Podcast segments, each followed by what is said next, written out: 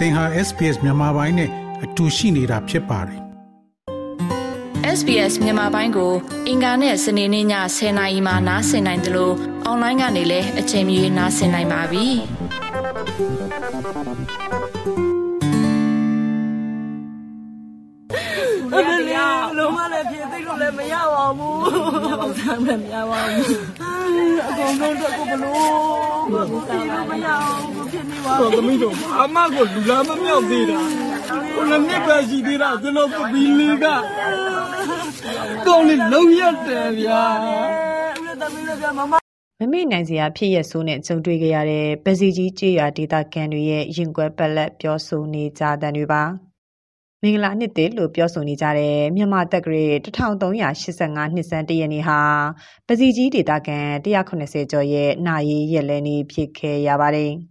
ပြီးခဲ့တဲ့ဧပြီလ17ရက်မနက်ပိုင်း9နာရီခွဲကျော်ခန့်မှာစစ်ကောင်စီဟာသကိုင်းတိုင်းကပ်ဘလူမြို့နယ်ပစီကြီးကျေးရွာထိပ်ကနေအိမ်ခြံဝင်းတစ်ခုစီကိုလေကြောင်းကနေပုံကျဲတိုက်ခိုက်ခဲ့ပါတယ်။အဲ့ဒီခြံဝင်းထဲမှာတော့ဒေတာတွင်းပြည်သူ့လုံခြုံရေးအဖွဲ့ရုံးနေအိမ်အတွက် အိမ်တစ်တက်အလိုလုပ်နေခြင်းဖြစ်တာကြောင့်ရောက်ရှိနေတဲ့ဒေတာကန်ကလေးငယ်ကအစားတက်ကြီးရွယ်အိုတွေပါယာနေချီသေဆုံးခဲ့ရတာပါ။ဒီလိုလူစုလူဝေးရှိတဲ့အချိန်ပေါင်900ရှိတဲ့ဘုံကိုစစ်ကောင်စီကလေကြောင်းကနေကျဲချခဲ့တာကြောင့်အသက်9နှစ်အောက်ကလေးငယ်6ယောက်အပါအဝင်အရက်သားပြည်သူ190နီးပါးသေဆုံးခဲ့ရတယ်လို့အမျိုးသားညီညွတ်ရေးအစိုးရ NUG ကထုတ်ပြန်ထားပါတယ်။ စစ်ကောင်စီရဲ့လေကြောင်းပစ်ခတ်မှုကနေအသက်ဘေးလွတ်မြောက်ခဲ့သူဒေသခံတို့ကသူကြုံတွေ့ခဲ့ရတဲ့အဖြစ်အပျက်ကိုအခုလိုပြောပါတယ်။တရားရတဲ့သူတွေနောက်တစ်ခါမှပြန်ပြီးတော့ဆွဲတော့ဆွဲတော့ပြီးကျွန်တော်တို့မှအနီးနားမှာရှိတဲ့ဟိုအစားတွေနဲ့အဲဆွဲပြဲကျိုးတွေနဲ့ဒုထမလုံးအောင်လို့စီးပေးတချို့ကြောင့်လည်းဘယ်လိုမှမပွေလို့အဆင်မပြေဘူးခြေတော်ရောဘိုက်တွေရောခန္ဓာကိုယ်ရောပေါ့နော်ဒဏ်ရာတွေကရတာတော့အဲဆိုင်ငယ်တွေကလည်းတင်လို့ကမရလူကြီးပဲမသွားဖို့ကလည်းအဆင်မပြေ နောက်ပိုင်းလဲတွေပေါ်ဆွဲတင်မယ်ဆိုပြီးတော့လဲတွေဆွဲအဲ့လိုလုပ်ပြီးတော့ကျွန်တော်တို့ရွာနဲ့ဝေးရအောင်တဖြည်းဖြည်းချင်းတရားရတဲ့လူတွေကိုရွှေ့ယူရတာကိုယ့်အကိုပြေးနေလိုအပ်မယ်ထင်တဲ့အစားအသောက်လေးတို့ဒါမှမဟုတ်အဲဆောင်းလေးတွေဟိုအစားလေးတွေတို့ဝင်းယူနေတဲ့အချိန်မှာအခင်းဖြစ်နေရတဲ့တဲ့တဲ့ပေါ့ဗျာရွာဖုံးချောင်းဘက်ဒီတချောင်းတိုင်းလုံးလုံးပြတ်တာအဲ့ဒါလည်းကျွန်တော်တို့ကရွာထဲမှာရှိနေလို့မလို့အဲ့ဒါလည်းကိုတွေ့ကြုံခဲ့ရတယ်ခင်ဗျဟိုကျွန်တော်တို့လည်းခုချိန်ထိကြောက်လန့်နေရပြီတဲတဲ့ရင်ဖို့လည်းခုချိန်ထိပဲကျွန်တော်တို့လည်းဖြစ်နေရတာပေါ့ အဲ့ဒီတိုက်ခိုက်ခံရမှုမှာလူတရာကျော်ထိခိုက်ဒဏ်ရာရရှိခဲ့တယ်လို့ခြေထောက်ပြက်လက်ပြက်နဲ့ပြင်းထန်ဒဏ်ရာရရှိတဲ့လူ20နီးပါးရှိတယ်လို့ဒေတာတွင်းကုညီကယ်ဆယ်ရေးလုပ်နေတဲ့အဖွဲ့တွေစီကနေသိရပါတယ်။စစ်ကောင်စီဘက်ကတော့ NUG ရဲ့ပြည်သူ့အုပ်ချုပ်ရေးရုံးဖွင့်မှုစီစဉ်နေတာကြောင့်အကြမ်းဖက်ချေမှုန်းရေးစစ်စင်ရေးအဖြစ်ဆောင်ရွက်ခဲ့တာဖြစ်တယ်လို့ဧပြီလ23ရက်မှာသူတို့လက်အောက်ခံမီဒီယာတွေကတဆင့်ပြောဆိုခဲ့ပါတယ်။ ပစီကြီးကြေးရွာဖြစ်စဉ်နဲ့ပတ်သက်ပြီးကုလသမဂ္ဂအတွင်းရေးမှူးချုပ်ကတော့ပြင်းပြင်းထန်ထန်ရှုတ်ချထားပြီးကျူးလွန်သူတွေကိုအရေးယူပေးဖို့အပါအဝင်လူသားချင်းစာနာမှုအကူအညီတွေရရှိဖို့ကိုလည်းတောင်းဆိုထားပါတယ်။အာဆီယံအဖွဲ့အနေနဲ့လည်းဘုံသဘောတူညီချက်၅ချက်ကိုအကောင့်ထဲဖော်ဖို့စစ်ကောင်စီကိုတိုက်တွန်းထားပြီးမြန်မာနိုင်ငံကိုဆက်လက်ကူညီသွားမှာဖြစ်တယ်လို့ထုတ်ပြန်ထားပါတယ်။ လက်ရှိပစီကြီးကြေးရွာဖြစ်စဉ်ကိုကုညီဆောင်ရွက်ရမှာတော့ကန့်သက်ခံထားရမှုတွေအခက်အခဲတွေအများပြားကြုံတွေ့နေရတယ်လို့ NUG ရဲ့စကိုင်းတိုင်းကျန်းမာရေးတာဝန်ခံဒေါက်တာသူရာကဆိုပါတယ်အဲပစီကြီးကျေးရွာမှာကတော့သူတိုင်းကတော့တယောက်မဟုတ်တယောက်ကတော့ဒီအသက်သေဆုံးခဲ့ကြရတာဖြစ်ပါတယ်စိုက်ကိုထော်မာတွေကတော့ကျွန်တော်တို့အချိန်ယူပြီးတော့ဟောကုကုသပေးရမယ့်အနေအထားမှာရှိပါတယ်ဒီနေ့အချိန်ဒီပေါ့ကျန်းမာရေးအဖွဲ့တွေနဲ့မတွေ့ဘဲနဲ့အဲထိခိုက်ဒဏ်ရာရ သူတွေဆေးမကုနိုင်သေးတဲ့ပြည်သူတွေလည်းရှိကောင်းရှိနိုင်ပါတယ်ဒီမြေပြင်မှာကျန်းမာရေးဆောင်ရှောက်မှုလုပ်ငန်းတွေပေးတဲ့နေရာမှာအခက်အခဲတွေကတော့ဒီအများကြီးရှိတာပေါ့ဗျာအဲတကယ်တမ်းတော့ဗျာဒီကျွန်တော်တို့မှာဆေးဝါးဝယ်ယူဖို့ငွေကြေးအခက်အခဲကတော့ပြောပါလောက်အောင်မရှိဘူးပေါ့ဒီအခုဖြစ်စဉ်မှာလည်းထောက်ပံ့ပေးကြတဲ့ပြည်သူတွေအများကြီးပါပဲအဲတကယ်အခက်အခဲဖြစ်နေတာကဆေးဝါးတွေတည်ယူဖို့ဆောင်ရွက်တဲ့အခါမှာစစ်ကောင်စီဘက်က နှောက်ယှက်တာတွေဖမ်းဆီးတာတွေဆောင်ရွက်ခဲ့တဲ့အတိုင်းအတာတွေအများကြီးရှိတယ်ပေါ့ဗျာ။ကူညီပေးခဲ့တဲ့သူတွေလည်းဖမ်းဆီးခံခဲ့ရတာတွေအများကြီးရှိတယ်။အဲနောက်ပြီးတော့ဒဏ်ရာရတဲ့သူတွေ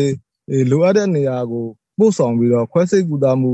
လိုအပ်လို့ပို့ဆောင်ရတဲ့နေရာတွေမှာလည်းဒီဖမ်းဆီးခံရတဲ့အဲဒဏ်ရာရပြည်သူတွေအများကြီးရှိတယ်။အဲဒါတွေကဒီစစ်ကောင်စီဘက်ကကျင့်ဝတ်နဲ့မညီဘဲနဲ့ကိုအတင်းအဓမ္မအာဒီဆောင်ရွက်နေတာတွေကတော့ဒီကျွန်တော်တို့ကျမ်းမာရေး ဘက်ကအဓိကအခက်ခဲအတားအဆီးတွေပေါ့အာနာသိန်းထားတဲ့နှစ်နှစ်ကျော်ကာလအတွင်းစစ်ကောင်စီရဲ့လေကြောင်းတိုက်ခိုက်မှုပေါင်း66ကြိမ်နဲ့မှာပစီကြီးရွာဖြစ်စဉ်ကလူဦးရေသေဆုံးမှုအများဆုံးဖြစ်ခဲ့ရပါတယ်။အကြိမ်ကြိမ်လေကြောင်းနဲ့တိုက်ခိုက်မှုကြောင့်ပစီကြီးကြေးရွာနဲ့နိဆက်ရကြေးရွာကဒေသခံတွေဟာ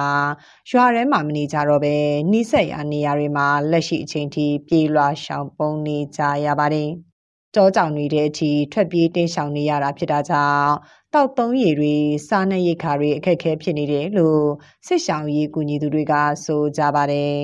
။စစ်တပ်ရဲ့နယ်မြေရှင်းလင်းရေးအပါအဝင် လေကြောင်းကနေပြစ်ခတ်တိုက်ခိုက်မှုတွေကြောင့်အခုလိုအိုးအိမ်စွန့်ခွာထွက်ပြေးရတာတွေနဲ့အယက်သားတည်ဆုံမှုတွေပိုများလာတယ်လို့လူအခွင့်အရေးလှုပ်ဆောင်နေတဲ့အဖွဲ့တွေကထောက်ပြထားကြပါတယ်။ ဒီလိုလူအစုလိုက်ပြုံလိုက်တပ်ဖြတ်ခရမှုဖြစ်စဉ်ရပ်ဝဲမှာရှိနေပြီးလွတ်မြောက်ခဲ့သူတွေဟာလည်းစိတ်ပိုင်းဆိုင်ရာထိခိုက်မှုတွေရရှိခဲ့ကြတယ်လို့လက်ရှိကုညီကယ်ဆယ်ရေးတွေလှုပ်ဆောင်ပေးနေတဲ့အရေးပေါ်တုံ့ပြန်ရေးနဲ့ကုညီကယ်ဆယ်ရေးကော်မတီကဆက်သွယ်ရေးနဲ့ပြန်ကြားရေးတာဝန်ခံဦးမင်းတက်ကဆိုပါတယ်ဟိုလူဝင်လူတွေများလာရင်ကိုလူတွေမြင်ကိုကြောက်နေရတဲ့ပုံစံမျိုးဖြစ်တယ်ပြီးတော့အိမ်အိမ်တွေပေါ်လည်းမနေရဘူးတောထဲမှာပဲတစ်ပင်အောက်ဒီမှာပဲနေကြတယ် ကျွန်တော်ကူညီကြတဲ့သွားတော့မှတိတ်ကိုတွေးဖို့ကတော်တော်လေးတော်တော်လေးကိုသူတို့ကြောက်ရွံ့နေကြတယ်ပေါ့နော်ထိတ်လန့်နေကြတယ်တချို့ဆိုရင်ဒီဖြစ်ချက်ကြီးမြင်ပြီးတော့ဟိုကိုကိုကိုတက်သေးရင်တော့တဲ့အထိပြောလာတာလေးရှိတယ်အဲပြီးတော့နောက်တစ်ခါသတင်းပေးကြောင်းဆိုတဲ့ဟာလဲသူတို့စိတ်ထဲမှာအဲသိနေတဲ့ပုံစံမျိုးရှိတယ်ဒါပေမဲ့အခုကကတော်တော်လေးကိုထိတ်လန့်တုန်လှုပ်နေတဲ့ရွာသားတွေရှိပါတယ်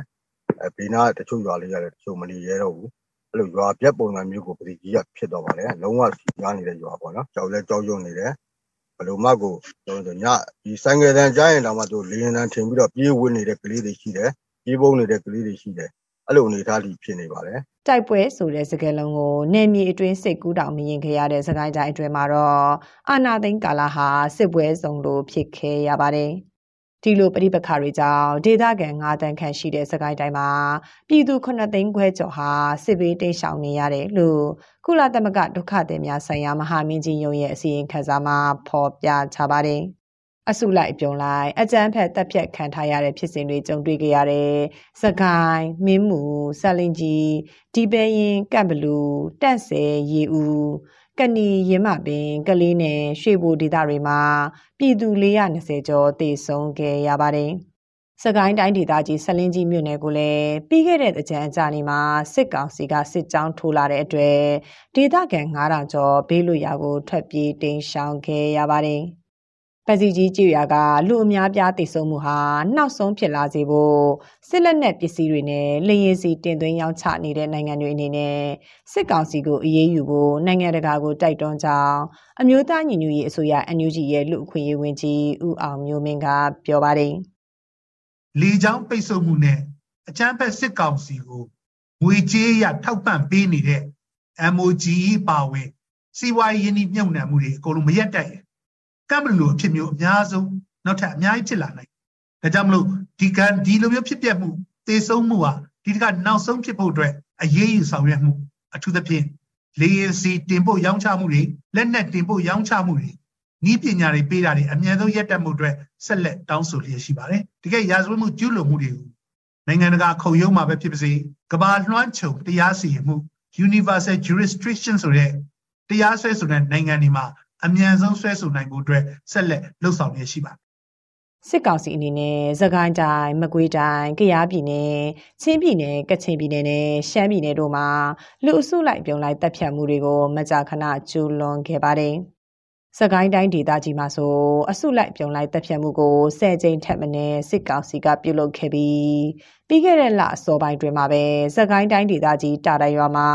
အမျိုးသမီးတွေအပါအဝင်ဒေသခံ18ယောက်ကိုတပ်ဖြတ်ခဲ့ပါတယ်။ဒီလိုတပ်ဖြတ်မှုတွေပေါ်နိုင်ငံတကာရဲ့အထိရောက်တဲ့အကူအညီတွေနဲ့တရားဥပဒေအရအရေးယူမှုတွေဟာလည်းဝေကွာနေစေပါ။ ပစီကြီးကြေးရမှာဆိုဒေသခံတွေရဲ့စိုးရိမ်ပူပန်မှုတွေနဲ့နောက်ဆက်တွဲစိတ်တန်ရာတွေကြောင့်မိသားစုဝင်တွေရဲ့ရက်လဲကိုတော့မကျင်ပရဲကြပါဘူးဒီလိုအခြေအနေတွေအဖြစ်ပြက်ဆိုးတွေကြမှာပဲတချို့ကတော့စိတ်တက်ကြက်ခိုင်မှုတွေနဲ့ပြန်လဲယုံထပြီးအာနာရှင်ကိုတော်လန်နေအောင်မှာဖြစ်တယ်လို့ဒေတာကန်တူကဆိုပါတယ်ဂျမ်မတိုင်ငရီပါလို့ဖြစ်လိုက်တော့အချိန်မှာအခုချိန်ထိပဲသူတို့တွေကယူတုံးမရဝမ်းနဲ့နာကြီးပူဆွေးပေါ့နော်တယောက်တယောက်တွေ့ရင် အာသူမိသားစုပါတယ်ကိုမိသားစုပါပြောပြီးငိုတယ်အဲပြောပြီးငိုပြီးတဲ့နောက်မှာငါတို့တွေလိုနေလို့မဖြစ်ဘူးနော်အဆက်ပြီးတော့ဟိုသွားမယ်ပေါ့အနေနဲ့ငိုနေလို့လည်းမပြီးဘူးဒါဒီကောင်ကိုတော့တခါအမြင့်ပြောအောင်ဒေါ်လာနဲ့ဟိုနိုင်တဲ့ဘက်ကနေပြောလာမယ်ဆိုရဲခံမြင့်သိတယ်လည်းပေါ်နေကြတယ်ပေါ့နော်အဲတချို့မိသားစုတွေကြောတယ်လူကြီးပိုင်းတွေကြောလည်းဖြေမစီနိုင်သေးဘူးဗျာအရင်ကတော့ပြောကြတယ်ဟိုအိမ်နေမီးကြောင့်တော့ဒုက္ခတွေပေါ့ဒီချိန်မှာသူတို့တွေအားလုံးကဟိုတောကတွေပဲဗျာအာနာကြီးစိတ်တွေရဲ့နောက်မှာပါတခါခံမြင့်စိတ်တွေနဲ့သူအာအပြန်တင်းတဲ့လူတွေလည်းရှိတယ်ဗျာ စစ်ကောင်စီရဲ့အကြမ်းဖက်လေကြောင်းတိုက်ခိုက်မှုကြားမှာနေမြေအသီးသီးကဒေသခံတွေတည်ဆုံခဲ့ရသလိုတန်းနဲ့ချီတဲ့ပြည်သူတွေစစ်ဘေးရှောင်နေကြရတာပါအခုလအတွင်းမှာတင်ချင်းပြည်နယ်စကိုင်းတိုင်းနဲ့ကရင်ပြည်နယ်တွေကိုစစ်ကောင်စီက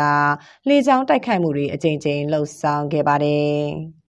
အများအပြားတည်ဆုံခဲ့ရတဲ့ကချင်ပြည်နယ်အနက်ပါစကိုင်းတိုင်းပစီကြီးကျေးရွာနဲ့ချင်းပြည်နယ်မင်းတပ်ဖြစ်စဉ်တွေလိုအဖြစ်ဆိုးတွေနောက်ထပ်မကြုံတွေ့ရဖို့အရေးမှာတော့နိုင်ငံရဲ့ပဋိပက္ခချုပ်ငြိမ်းရာငြိမ်းချမ်းရေးအစစ်အမှန်ဟာနှစ်သက်ကူစုတောင်းတွေအဖြစ်သာအသက်ဝင်နေစေပါဒီသတင်းဆောင်မကိုတန်လင်ခက်ကပေးပို့ထားတာဖြစ်ပါတယ်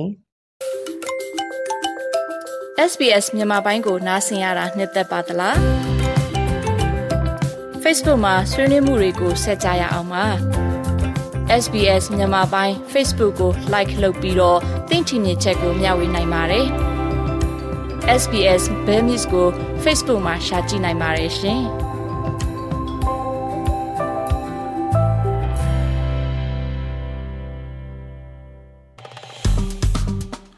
SPS မြန်မာပိုင်းကို Facebook ပေါ်မှာ like ရှာပြီး like မျှဝေမှတ်ချက်ပေးပါ